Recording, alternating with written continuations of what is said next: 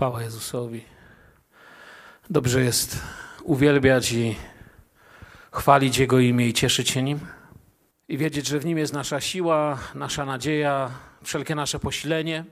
I to też dzisiaj chciałbym podkreślać, ale może trochę inaczej. Chciałbym opowiedzieć dzisiaj w czasie naszej dzisiejszej takiej, rzekłbym, trochę lekcji biblijnej, bo to środa, przyzwyczailiśmy się, że w środę troszeczkę sobie więcej postudujemy Słowo Boże. Chciałbym powiedzieć o osobie, której właściwie ja się szczerze przyznam, chyba nigdy nie mówiłem, a jednak jest w Ewangelii i, i wnosi coś niezwykłego. W niedzielę mówiłem o tym, jak Mojżesz ujrzał Bożą chwałę i zobaczył plecy Pana. I dzisiaj też chciałbym właśnie powiedzieć o kimś, kto w taki sam sposób oglądał Bożą chwałę, to znaczy zobaczył plecy Pana, ale w innych okolicznościach. Zacznę trochę tak, jak mogłaby się zaczynać historia niejednej opowieści o Twoim, moim powołaniu, czy jak się właściwie nawet zaczyna. Żyjesz sobie spokojnie, dzień jak każdy.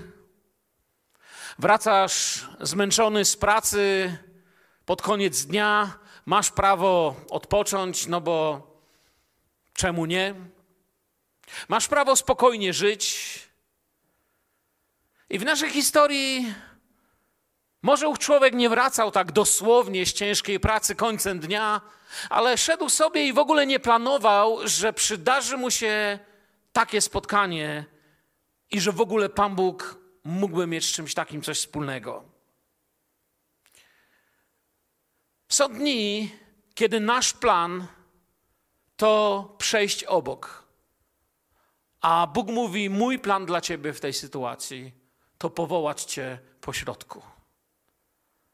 Mojżesz pasał trzody i Pan powołał go przy krzaku. To nie był jakiś jego wielki plan. Nie obudził się tego dnia i nie powiedział: Dzisiaj jest ten dzień, dzisiaj przy krzaku to się stanie, od tej pory będzie inaczej. Gedeon był w polu wystraszony i nie obudził się rano, myśląc sobie: To jest ten dzień, dzisiaj przejdę do historii jako bohater, którym wiemy, że za bardzo nawet nie był. Elizeusz,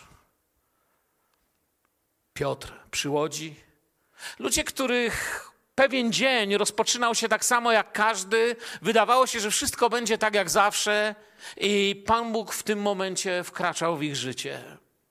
Bóg spotyka nagle człowieka w jego codzienności. Rano nie ma tego w kalendarzu, a wieczorem masz kalendarz pełny tego do końca życia. Tak wygląda spotkanie z Panem Bogiem. Oto człowiek celowo nie zdradzam jego imienia, aby trochę pozgadujcie, pomyślcie. Oto człowiek, który mógłby próbować być rzecznikiem ludzi, którym przydarza się coś, na co nie zasługują. Mogliby powiedzieć, mógłby być rzecznikiem ludzi, którzy mówią: Słuchajcie, ja tylko wyskoczyłem, nie wiem, po chleb, albo ja tylko wyskoczyłem po sól. Ja tylko wyskoczyłem na chwilę coś załatwić. Zajęty byłem swoimi sprawami. Mógłby być ich rzecznikiem. Mało, że czasy złe i trudne, to jeszcze akurat do mnie się ktoś musiał przyczepić, powiedziałbym tak nieładnie, a może źle widzimy. Troszkę tak wyrażając się, powiem, że dzisiaj chciałbym namieszać i dać do myślenia. Trwa okrutna egzekucja Jezusa. I znamy jej przebieg. Przesłuchanie, które nic nie miało wspólnego rzeczywiście z jakimkolwiek prawem i sprawiedliwością. Ubiczowanie, poniżanie, plucie, szarpanie brody. Doprowadzanie człowieka już tam, do granicy życia. I potem ta ciężka belka i droga za miasto. I wtedy pojawia się bohater mojego dzisiejszego studium. Szymon Cyrenejczyk. Ewangelia Marka w 15 rozdziale 20, przepraszam, w 15 rozdziale 21 werset mówi tak. Zmusili też niejakiego Szymona Cyrenejczyka, ojca Aleksandra i Rufusa, który wracał z pola, aby poniósł jego krzyż. Szymon Piotr, który miał iść za Panem do samego końca, pogrążony w gorzkich łzach i w ogóle jest całkowicie wyłączony z tych wydarzeń. A tutaj oto pojawia się inny Szymon, który nikomu nic nie obiecywał. No można by rzecz, chłopisko się znalazło, no, no niechcąco. Taki zwykły, szary ktoś przechodził do historii w samym centrum tragedii, w samym centrum największego wydarzenia wszechświata. Niechcąco. Tak jakoś. Niejaki, no właśnie taki, niejaki Szymon Cyrenejczyk. Wiemy zarówno z badań biblistów i teologów, historyków. Plurtach, jeden ze starożytnych pisarzy, wspomina podobnie, że skazani sami musieli nieść swój krzyż na miejsce męki. Tak wyglądała rzymska egzekucja. Chodziło o tą poprzeczną belkę. Pionowa już była wkopana w miejscu egzekucji. Skazańca potem, kiedy sponiewierano, poniżono, obdarto z godności,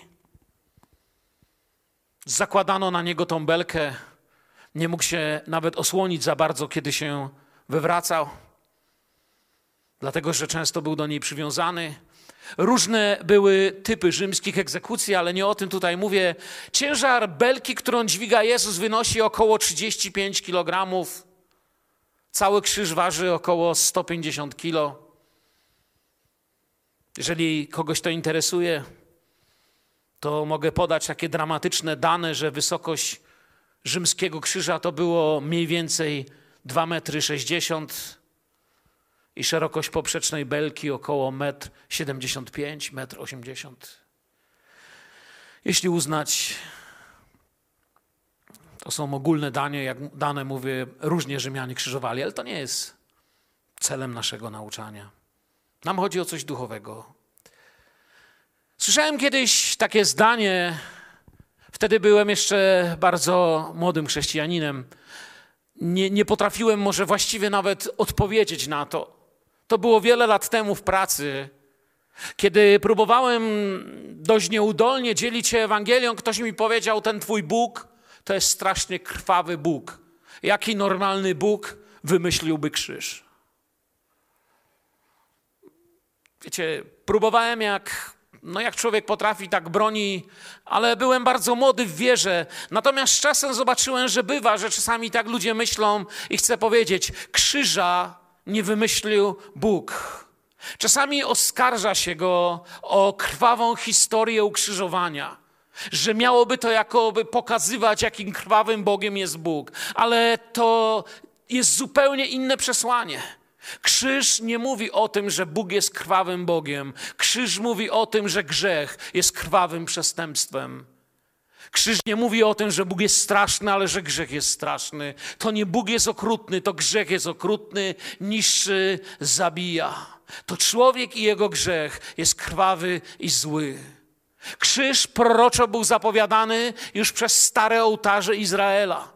Kiedy poganie budowali ołtarze, byli tak przerażeni okrutnością ofiar, że często budowali wokół nich jakieś gaje, jakieś zasłony. Często budowano je w jakiejś dolince, gdzie tylko nieliczni oglądali kaźń, czasem nawet ludzi prowadzonych na ofiarę. Ale z ofiarami starożytnego Izraela, tak jak z krzyżem było inaczej, żadnych gai, żadnej zasłony, żadnych kwiatuszków. Wszystko ma być widać, aby nikt nie powiedział że coś tam za ukryciem dzieje się tajemnego, nic tajemnego. Bóg postanowił pokazać człowiekowi swoją miłość. To człowiek i jego grzech jest krwawy i zły. To człowiek jest okrutny. I w gorącej porze dnia Jezus po okrutnym ubiczowaniu i przesłuchaniu ledwie trzyma się na nogach. Od momentu spożycia paschy nie jadł i nie pił. Od wielu, wielu godzin już nie śpi. Inni spali w Getsemane. Ty i ja, my poszlibyśmy spać. Pan nie spał. Podnosi w tą ciężką porę na ramiona krzyż. I wiecie, kiedy czytałem sobie jeszcze raz i jeszcze raz ze Słowa Bożego, wyobrażałem sobie i wyobraźnią wchodziłem w człowieczeństwo Jezusa. Ja wiem, że On o tym krzyżu wiedział od dawna. Na to się urodził. Przed założeniem świata wiedział. Podnosi na ramiona krzyż, widział go od dawna w nocnych modlitwach. Kiedy modlił się i kiedy wiedział, do czego się zbliża, kiedy poprzez jego słowa mówiące do uczniów im bliżej krzyża, tym mniej było ludzi, tym mniej ludzi chciało iść za nim, kiedy mówił trudne słowa, coraz mniej rybek, coraz mniej chlebków, coraz więcej trudnych wyzwań. On go widział. Widział go od dawna w nocnych modlitwach, zapowiedziach śmierci, przed którymi uczniowie sprzeczali się, kto ważniejszy. Psalmiści. Izajasz z drżeniem, modląc się i pisząc swoje proroctwa, wyczuwali ten krzyż w samym sercu Boga. Był tam ukryty jako największa okrutność, którą grzech, człowiek, upadek ludzkości miał uczynić temu, który do swoich przyszedł, temu, który przyszedł z miłością. Słowo stało się ciałem.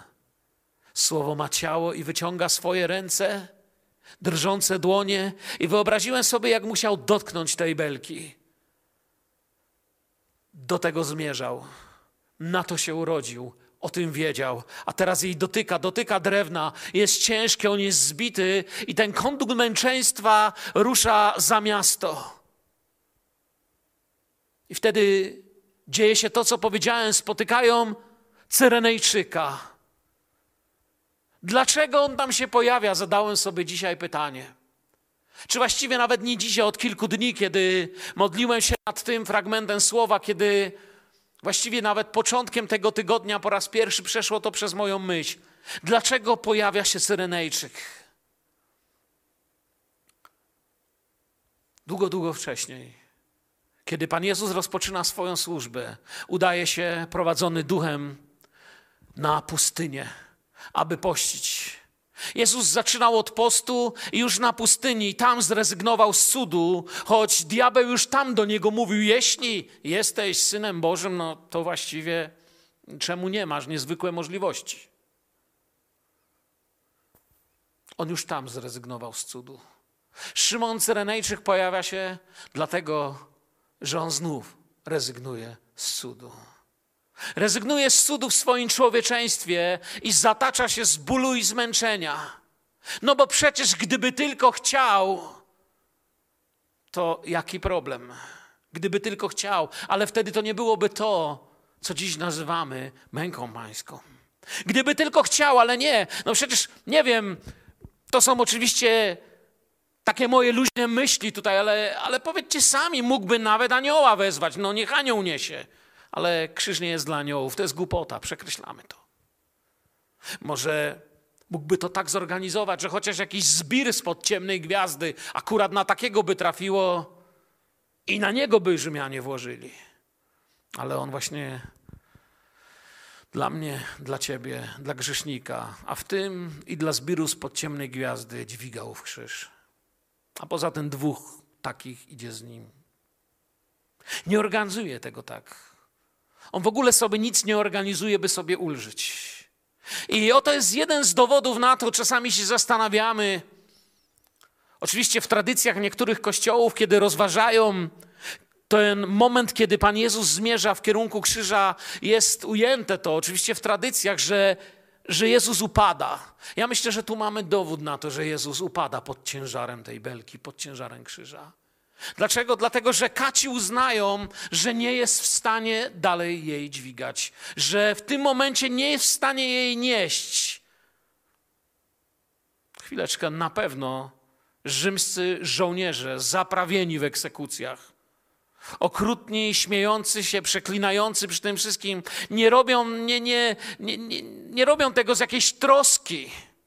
Wiecie, powiem tak, gdybyśmy z jakiegoś powodu mieli kamery i możliwość, tak jak dzisiaj filmowany jestem ja, gdyby można było tam sfilmować tą egzekucję, to po pierwsze nie pozwolilibyśmy oglądać dzieciom, a po drugie powiedzielibyśmy wyłączyć dźwięk, bo tyle przekleństw nie jest, nikt nie jest w stanie znieść. Tam nie padały jakieś pobożne słowa. Były twarde, żołnierskie, rzymskie przekleństwa, okrutność krzyża. Prowadzili skazanca i to nie troska kazała im poprosić Szymona z Syreny, aby pomagał. Każda sekunda ulgi dla Pana będzie sekundą bólu na krzyżu. Zmuszają Szymona, Cyrenejczyka, by niósł nie swój krzyż. Dlaczego podkreślam nie swój krzyż? Dlatego, że natychmiast przypomina się nam, kiedy tylko patrzymy na Pana w ten sposób. Marka 8:34. A przywoławszy lud wraz z uczniami swoimi rzekł im, jeśli kto chce pójść za mną, niech się zaprze samego siebie i weźmie krzyż swój i naśladuje mnie. Jeśli chce. Krzyż swój. Nie czyjś krzyż tu coś innego widzimy. Krzyż oczywiście później w miarę historii Kościoła, kiedy się czyta pisma wczesnego Kościoła i później patrzy się oczywiście, krzyż stał się przywilejem chrześcijaństwa. Stał się czymś, co, co otaczano szacunkiem, a zwiastowanie o krzyżu stało się mocą głoszenia tej dobrej nowiny. Współczesny Kościół. Czasami dzisiaj rezygnuje nawet z głoszenia tego bo za okrutne. Słyszałem o sytuacjach, że usunięto ze śpiewnika pieśni na temat krwi, pieśni na temat krzyża, no bo okrutne. Wczesny Kościół dostrzegał w tej scenie z Szymonem wspólne dźwiganie krzyża. Łukasz dodaje nam jeszcze jeden szczegół. Posłuchajcie uważnie, co Łukasz ma do powiedzenia. A gdy go wyprowadzili, zatrzymali niejakiego Szymona Cyrenejczyka, który wracał z pola. Włożyli na niego krzyż, aby go dźwigał za Jezusem. Usłyszeliście to, co tu napisano? Za Jezusem. Jezus szedł przed nim. On widział jego plecy. Nie trzeba chyba ogromnej wyobraźni, by zrozumieć. Widział jego plecy, te plecy były zbite. Widział krew na bruku. Widział jego plecy i krwawe ślady. I nagle wiecie, na kogo patrzymy? Patrzymy na świadka. Szymon nie jest uczniem, ale Łukasz pisze, niósł ten krzyż za Jezusem. Szymon jest świadkiem.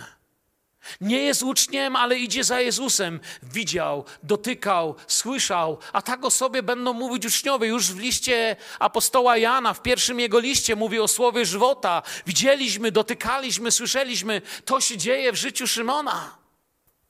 Tamtego dnia. Oczywiście, że nic z tego nie rozumie. To nie jest jakiś człowiek przygotowany który był gotowy na taką scenę i na takie wydarzenia. Niczego nie rozumie, ale to przyjdzie później. Szymon jest biednym i spracowanym człowiekiem. Zdecydowanie opierając się o biblijne badania, możemy powiedzieć, że jest to człowiek prosty, biedny, być może nawet obankrucony.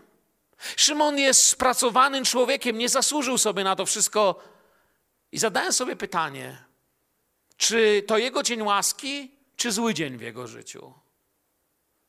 No bo jeśli chodzi o niego, prawdopodobnie jest wściekły na Rzymian, wściekły na, na skazańca, zły, że mu się to wszystko przydarzyło.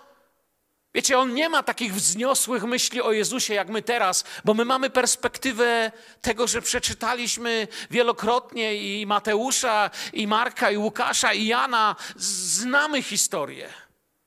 Ale on nie wie, on, on myśli, że niesie krzyż jakiegoś złoczyńcy. Czy to był najgorszy czy najlepszy dzień jego życia? Zadałbym sobie pytanie.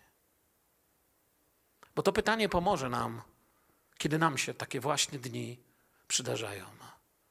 Kiedy niesiesz teraz ciężar, jesteś obciążony, ale jest to ciężar cudzego bólu, cudzej choroby, cudzego nieszczęścia. Być może właśnie teraz obsługujesz chorych. Może pomagasz im. Może musisz zadbać o tych, którym teraz trudniej w tym okresie. Spadł na ciebie ciężar i Pan ci pomaga. Ale ciągle się uczymy. My wiemy dużo więcej niż wiedział Szymon z Tyreny. Czy to był najgorszy, czy najlepszy dzień jego życia? Oto słowo, które mówi do nas: zatrzymaj się. Co ty na to? A momencik, a czy liczy się w tym momencie to słowo, kto nie bierze swego krzyża, a idzie za mną, nie jest mnie godzien? No bo on przecież idzie za Panem. Dźwiga i patrzy w krwawy ślad. Bo on bierze, no niedobrowolnie, ale niesie. Pytanie, dlaczego dzisiaj z takiej właśnie lekcji biblijnej postanowiłem się do Was zwrócić jest, czy zawsze ja będę decydował, jak czy zawsze ja będę decydował, którędy? Czy nie zrobiłem już dość w tym moim przysłowiowym, życiowym polu? Czy nie żyję uczciwie? Czy to. Czy to fair? A może właśnie to chwila, by mieć Pana przed oczami, by właśnie o tym pamiętać. Znam ludzi i świadectwa, gdzie bardzo dziwnie objawiał się Pan. Sam mam w swoim życiu świadectwo spowodowane własną chorobą, o której teraz nie trzeba mówić, wiele razy o niej mówiłem, gdzie znalazłem się? Tam, gdzie nie chciałem. I wcale nie byłem z tego zadowolony. I wcale nie mówiłem do Pana, Panie, zmieniaj mnie, im bardziej będzie boleć, tym lepiej, będę lepszy. Nie. W historii Kościoła, gdy się ją czyta, jest tyle różnych wydań historii Kościoła w Polsce, ale we wszystkich bardzo jasno. Autorzy zauważają to, że wielu chrześcijan skażano na ukrzyżowanie. Wielu chrześcijan zginie na prawdziwych krzyżach. Zamówienie o krzyżu krzyżowano. Wielu, nie tylko tak jak my duchowo, ale i dosłownie, musiało wziąć na ramiona krzyż. Gdzieś jeszcze zabrzmiało mi echo słowa z Ewangelii Jana, 15-16, nie wy mnie wybraliście, ale ja was wybrałem i przeznaczyłem was, abyście szli i owoc wydawali i aby owoc wasz był trwały, by to, o cokolwiek byście prosili Ojca w imieniu moim dał wam. Ale moment, człowieku, to nie ten kontekst, nie ten tekst. Czy na pewno? Czy do końca? Tu by się zgadzało, że nie my decydujemy i nie my wybieramy, ale już na pewno nie to, żebyśmy o coś takiego prosili. Czy zawsze musimy rozumieć krzyż i trudności, jakie nas spotykają po drodze? Czy zawsze musimy go rozumieć w ten sposób, że aha, jasne, uczciwe, to tak, no to dobrze, wezmę, będę lepszy. A może ten proces umocniający czasami nie tyle musimy zrozumieć, co dojść do miejsca pokory i wtedy dopiero pojąć. Bez pokory możemy tego nie pojąć. Że On nas przeznacza do przyniesienia owocu, że On nas powołuje, że możemy znajdować się w miejscu gniewu, niezadowolenia i właściwie to nawet żałowania, że w takiej czy innej sytuacji się znalazłem. Dopiero pokora, dopiero czas rzucało wielu na kolana, rzucało wielu w miejsce, gdzie we łzach mówili: Panie, dziękuję Ci, że jestem w tym miejscu. I wtedy byli gotowi prosić w imieniu Jezusa, nie w imieniu własnych zachcianek, bo do tego nas przeznaczył. A więc przygotowuje nas, byśmy umieli być tymi, co w imieniu Jezusa się modlą. Bo są ludzie, co w imieniu Jezusa proszą o rzeczy, bo w imieniu znaczy w miejsce, o które Jezus by nie poprosił. Ja myślę, że nieraz o takie prosiłem. Do czegoś dojrzewamy. Gdyby tego dnia Szymon wiedział, co się stanie, nigdy nie wyszedłby z domu. I wiele razy Bóg dokonał w Twoim i moim życiu czegoś, co gdybyś wiedział wcześniej, że się stanie, nie wyszedłbyś w domu, nie poszedłbyś gdzieś, nie zrobiłbyś czegoś. Wielokrotnie spotykałem ludzi w służbie, którzy mówili właściwie to w cudzysłowie mówiąc przypadek, niechcąco. Czasami ten w cudzysłowie wzięty przypadek Ktoś kiedyś powiedział, przypadek to Duch Święty incognito. Przypadek to Boże prowadzenie, kiedy jeszcze nie widzimy, że to Bóg. Tego dnia, gdyby Szymon wiedział, co się z nim stanie, nigdy nie wyszedłby z domu. Jezus, wiedząc, co się stanie, opuścił niebo i przyszedł na ziemię dla ciebie i dla mnie, bardzo dobrze wiedząc, co się stanie. Gdzie jestem dzisiaj? Czy jestem gotowy jako uczeń iść za Panem? Czy jestem gotowy w tych dniach rezygnować z mojego marudzenia, z tego, co mi się być może należy, z tej pretensji, dlaczego ja, dlaczego w takich czasach, dlaczego mi się to przydarza? Bo może nie o nas chodzi. Może w dniu, w którym wydaje ci, że jest gorzej niż kiedykolwiek. Tak było u Szymona z Syreny. Może właśnie jesteś bliżej Jezusa niż kiedykolwiek. Szymon z Syreny. Powinienem mu to oddać i coś o nim powiedzieć. Syrena leży w Afryce, liczący się rejon. Dzisiejsza Libia, gdybyście patrzyli na mapę, Szymon z Syreny ma hebrajskie imię i afrykańskie pochodzenie. Do końca nie wiadomo właściwie, y, skąd tak naprawdę się tam wziął w tym miejscu, w którym my go znajdujemy w Słowie Bożym. Może należy do Żydów, lub jest też ich potomkiem do tych, którzy wyjeżdżali za chlebem w poszukiwaniu bogactw w Afryce, bo była taka fala w tamtych czasach. Niektórzy wrócili zbankrutowani. Może to potomek tych ludzi. A może pracuje w Jerozolimie, bo jest biedakiem, który z terenów Afryki przyszedł. A może być też jednym z emigrantów i pielgrzymów i mieszka w polu z powodu tłoku. Spurgeon nauczał, że Szymon, Szyner, Szymon z Syreny jest czarnoskórym pomocnikiem Jezusa. Rzymianie prowadzą skazańca, który upada i nie może już unieść tej belki. Rozglądają się w poszukiwaniu kogoś, kto nie ma praw i nie będzie dochodził. Kogoś bez tego wpływowego ja, to nie może być żaden obywatel rzymski. Ktoś, kto nie narobi kłopotów, a komu oni mogą kłopotów narobić. Wraca z pola. Wchodzi do miasta przez bramę efraimską. I w tym czasie Jezus, dźwigając ciężki krzyż, idzie ulicami miasta, jest wyprowadzany poza miasto. Zmęczony Szymon musi zawrócić, bo to nie jego kierunek. Nie tylko niesie cudzy krzyż, ale jeszcze do tego musi zawrócić. A więc nie tylko spotyka go, to nie fair. To nie było w ogóle w moją stronę. Tego dnia wybierałem się w zupełnie inną stronę, będzie potem opowiadał. Pewnie nie wiemy, nie mamy takiego zapisu. Ale my możemy powiedzieć, w dzień, kiedy dotknął mnie Pan, nie wybierałem się wcale w stronę nieba. Nasz kierunek nigdy nie jest kierunkiem Pana Jezusa. Mogę dodać coś, jeśli chodzi o rzymskie prawo. Rzymianie mogli zmusić każdego, kto by dźwig, e, aby dźwigał to, co mu każą. Takie mieli prawo. Mogli zatrzymać dowolnego obywatela okupowanego kraju. To nie mógł być oczywiście ktoś od nich. I mogli go zmusić, żeby niósł ich ciężki ładunek, aby przeniósł coś. Mieli do tego rzymskie prawo, byli panami na tych terenach i mogli kogo zmusić do tak, zwanych, do tak zwanego tysiąca podwójnych kroków. Czyli była to ichnia jedna mila. Jeśli chcecie wiedzieć, podwójny krok to jest coś takiego. My robimy krok i dla nas to jest jeden krok, drugi krok. Dla Rzymian ten krok to było, ta noga była tylko wyznacznikiem. Ta noga decydowała. To był krok dopiero. Dużo ciężej. Liczyło się dalej. Podwójny krok. Jezus jeszcze przed swoim ukrzyżowaniem. Mówił o tym w Ewangelii Mateusza na przykład 5:41 zmusza cię ktoś, abyś szedł z nim jedną milę, idź z nim dwie. Ludzie, którzy wtedy słuchali Pana Jezusa, bardzo dobrze wiedzieli, o czym mówi. Bo im się to bez przerwy zdarzało. Że zatrzymywał ich wściekły Rzymianin i kazał coś nieść.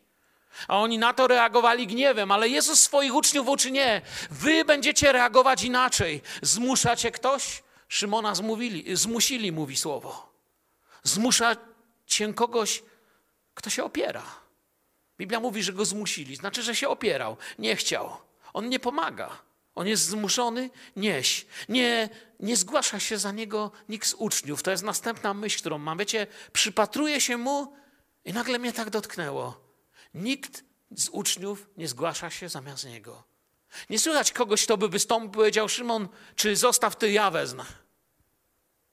Gdyby rozmawiali o tym wcześniej, jestem przekonany, Bo tacy jesteśmy w teorii, a potem inaczej wychodzimy w praktyce. Gdyby rozmawiali o tym wcześniej uczniowie, przekonywaliby, że to właśnie któryś z nich powinien pomagać Panu.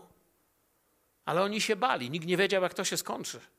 To my teraz wiemy, którędy potoczyła się historia. Przekonywaliby, to właśnie powinienem być ja. Do końca życia być może żałowali, że to nie był nikt z nich. Chcę Wam przypomnieć jedną sytuację z ich życia. Pewnego dnia ta sytuacja jest opisana w Ewangelii Łukasza, nie będziemy tego czytać, znacie ją dobrze, z dziewiątego rozdziału. Ktoś nie spośród nich samych głosi dobrą nowinę, wypędza demony, naprawdę działa w mocy i zgłaszają to wtedy Panu Jezusowi. I mówią: Widzieliśmy takiego, zabranialiśmy mu, bo on nie jest jeden z nas. Wtedy Jezus powiedział do nich, że nie zabraniajcie, kto bowiem nie jest przeciwko wam, ten jest z wami. Oni mówili, to nie był nasz chłop. Teraz, gdy ktoś nie spośród nich niesie krzyż, nie ma reklamacji. Nikt nie pcha się do przodu i nie mówi: Moment, ty nie jesteś jeden z nas. Bo mówienie nam w życiu lepiej idzie. Rzymianie postanowili zrujnować święto Paschy Szymonowi z Tyreny. Na niego padło.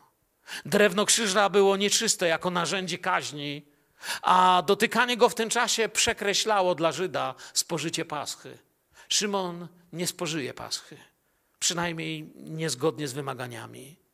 Dla nich, dla nich był to kolejny Żyd, któremu pokazali, kto tu rządzi. Dla nas lekcja o przełykaniu dumy jako odpowiedź na naukę mistrza.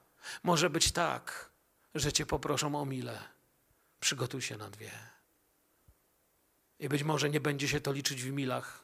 Będzie się liczyło w czasie przy szpitalnym łóżku, w czasie cierpliwości, miłości i otaczania kogoś modlitwą, przyjaźnią, łaską. W moim życiu wielu ludzi spotkałem. Najbardziej usłużyli mi ci, którzy mieli dla mnie cierpliwość, którzy dawali mi szansę, którzy nieśli ciężar mojego charakteru, mojej osoby, mojego dojrzewania jako chrześcijanina i człowieka dalej niż inni.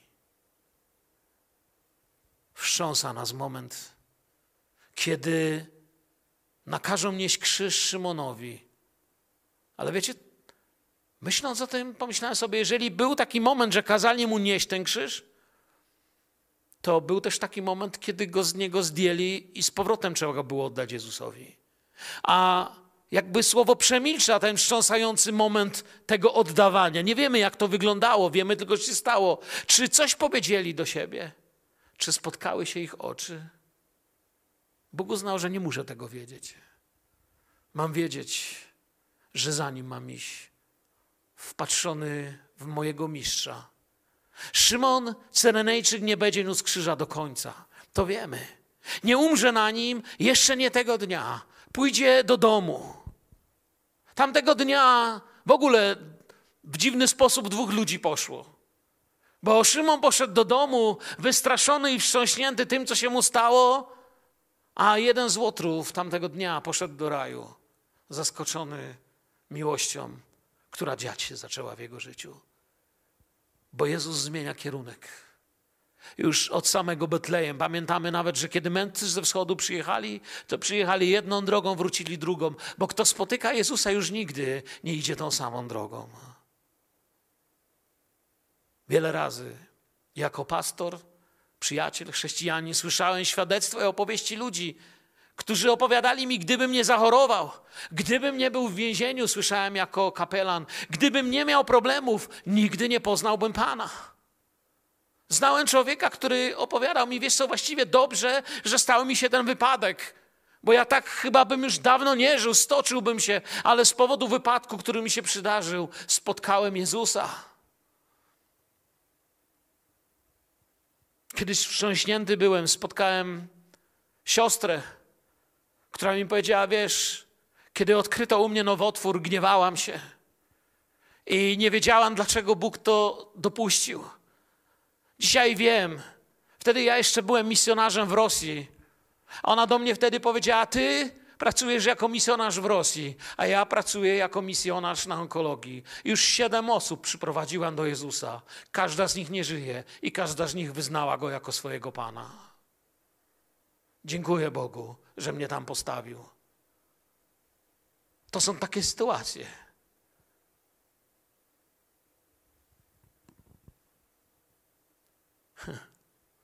Gdybym wtedy to się nie stało, kim był Szymon? Gdyby, gdyby nie to coś, kim byłbym ja? Tak wiele razy to słyszałem. Chory w więzieniu, zaskoczony jakąś tragedią. Jezus też takich kazuje nam kochać. Mówi nam, że On tam jest, ukryty, chory, uwięziony, głodny, nagi. Żaden z nich tego nie chciał. Jezus mówi, zwracajcie na nich uwagę, bo mi to czynicie, choć nie wiecie. Jezus mówi, to ja. Zobaczcie, jak się łączy służba, powołanie. Jak się łączy kształtowanie człowieka na kształt Jezusa z służeniem człowiekowi. Nieraz możemy być poproszeni, by przejść czyjś kawałek męki i nie wiemy, czy się nie powtarza ta sama historia. Bóg nas tego uczy. Wiecie, pamiętam, jak się zmienił mój sposób na przykład odwiedzania chorych w szpitalu. Wiecie, co go zmieniło najbardziej? Kiedy sam byłem w szpitalu. Do mojego pobytu w szpitalu zupełnie inaczej do niego szedłem. Po prostu brałem, nie wiem, kwiatek czasem się kupiło, później już nie wolno było. Jeśli można było czekoladkę, coś się człowiekowi dało, coś dobrego mu powiedziało i po prostu poszedłem do domu. Ale kiedy sam tam spędziłem trochę czasu, to siedząc na odwiedzinach, ja wiedziałem, co znaczy odgłos kuchni, która roznosi posiłki. Stukot tych chodaków, w których chodzą te pielęgniarki ten cały klimat, który otacza ludzi. Znałem ich świat, byłem, uczyłem się ludzi kochać w ich świecie. Ale kiedy ta lekcja trwała, nie byłem z niej zadowolony. Krzyż nie był dla Szymona głupstwem. Nie wiemy, co się z nim stało potem, dokąd poszedł tamtego dnia. Biblia nam nie opisuje, dokąd poszedł, dokąd się udał. Zadałem sobie pytanie, dokąd ty idziesz? Gdy czujesz się poniżony, brudny, niezasłużenie cierpiący, z plecami zbawcy przed oczami, za zbawcą. A teraz dokąd? Był świadkiem, widział, co się stało, dokąd go zaprowadzili. Już chyba nawet zaczynał widzieć, kto to. Nawet w tych dniach, cokolwiek się dzieje, za zbawcą, dokąd poszedł. Nie wiem, mogę sięgać tylko do historii Kościoła do dokumentów, o których nie wiemy nawet na ile są pewne. Podobno został biskupem wczesnego kościoła w gminie, we wczesnej gminie chrześcijańskiej w Arabii Zajordańskiej. Z tego, co o nim wiemy, jeśli chodzi o koniec jego życia, skończył jako jedna z pochodni Nerona. Nie tylko został ukrzyżowany, ale owinięty łatwopalnym materiałem i podpalony. Podobno taki był koniec tego człowieka. Ale Marek pisze Ewangelię, która będzie, będzie czytał i głosił wczesny Kościół. I coś tam jeszcze znajdujemy w tym opisie, co chciałbym na koniec powiedzieć. Napisał, że Szymon był ojcem. Po, po co podaje tak, że Szymon był ojcem, pisze? Bo jeszcze podaje imiona jego synów. Dlatego, że wczesny Kościół domyślamy się, że musiał ich znać. Pisze, jak gdyby dla wszystkich było jasne, kim jest Aleksander i jego brat, patrząc na skrwawione plecy zbawcy, coś zmieniło się w Szymonie na zawsze. Bo Kościół poznał jego dzieci. Wiedzą, kto jest ich ojcem. Przez to, co przydarza się ojcu, dzieci nieraz usłyszą o Jezusie. Jestem przekonany. Ktoś powie, tego nie, to, to nie pisze w Biblii, ale jest ale każdy z Was jest tego pewny. To, co mu się stało, opowiadał innym ludziom. Wierzymy w to? Gdyby mi się przydarzyła taka historia jak jemu, zaraz po powrocie do domu wszystkim bym to opowiedział. Zacząłbym się nad tym zastanawiać i dochodzić, co się stało. I ten skazaniec byłby wyjątkowy dla mnie, i Szymon musiał odkryć, kim był.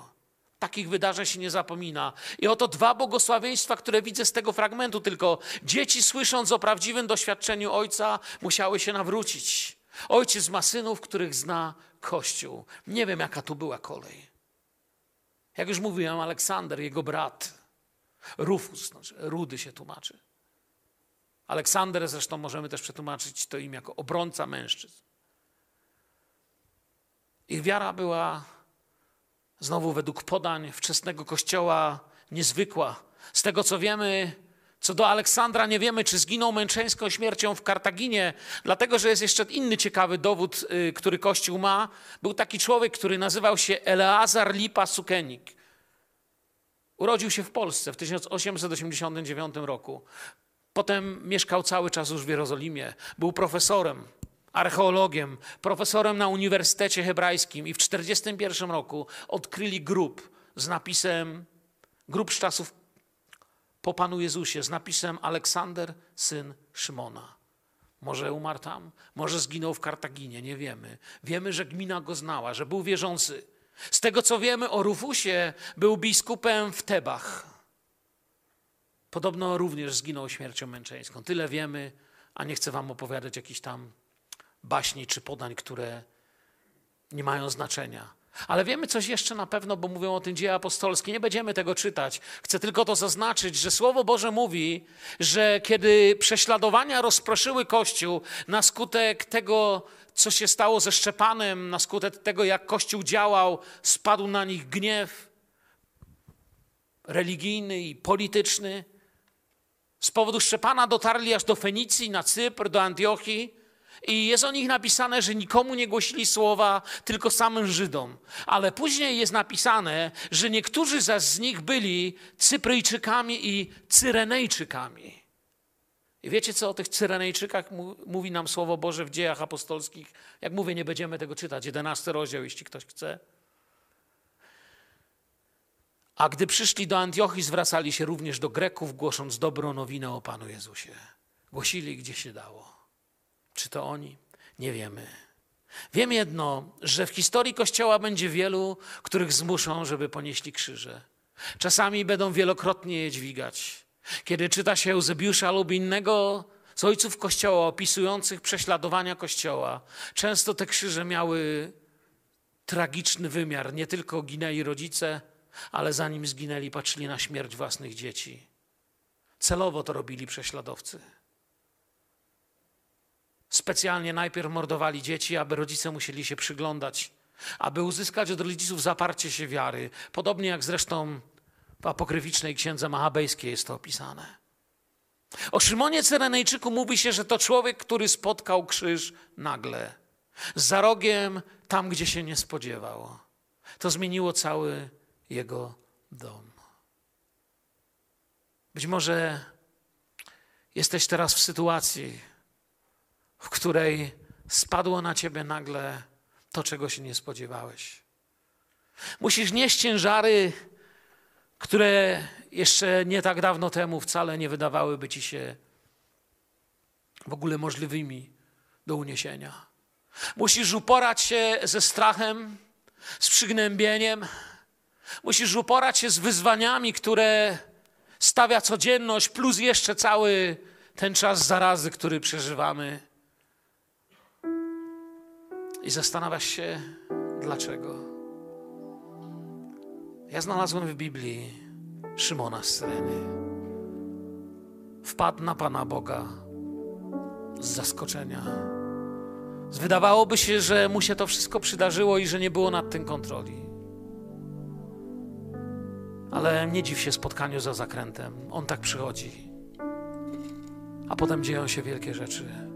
Gdziekolwiek teraz jesteś, Idź za Jezusem, wpatruj się w Jezusa, wsłuchuj się w Jezusa. Gdziekolwiek teraz jesteś i przez cokolwiek idziesz, skoro znalazłeś się w tym miejscu, wczytaj się w Jego słowo, wsłuchaj się.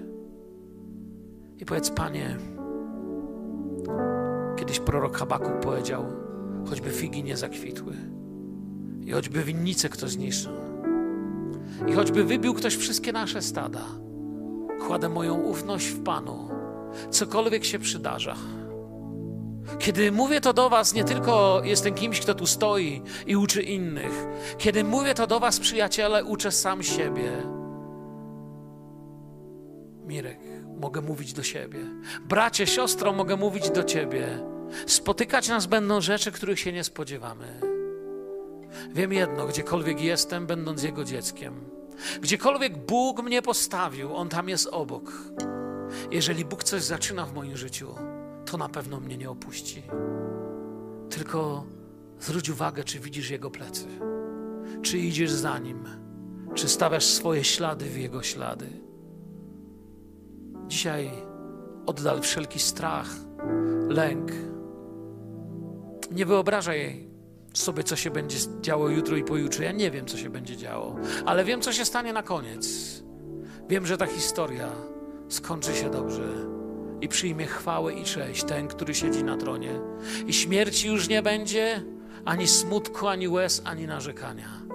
Doprowadzi każdego z nas, chociaż czasem się w ogóle nie spodziewaliśmy tego, jak ta historia się potoczy. Niech przyjmie chwałę i cześć i uwielbienie. Zaśpiewajmy teraz pieśń na Jego chwałę. Niech ta pieśń będzie też naszą modlitwą. Niech nie będzie tylko piosenką. Módlmy się.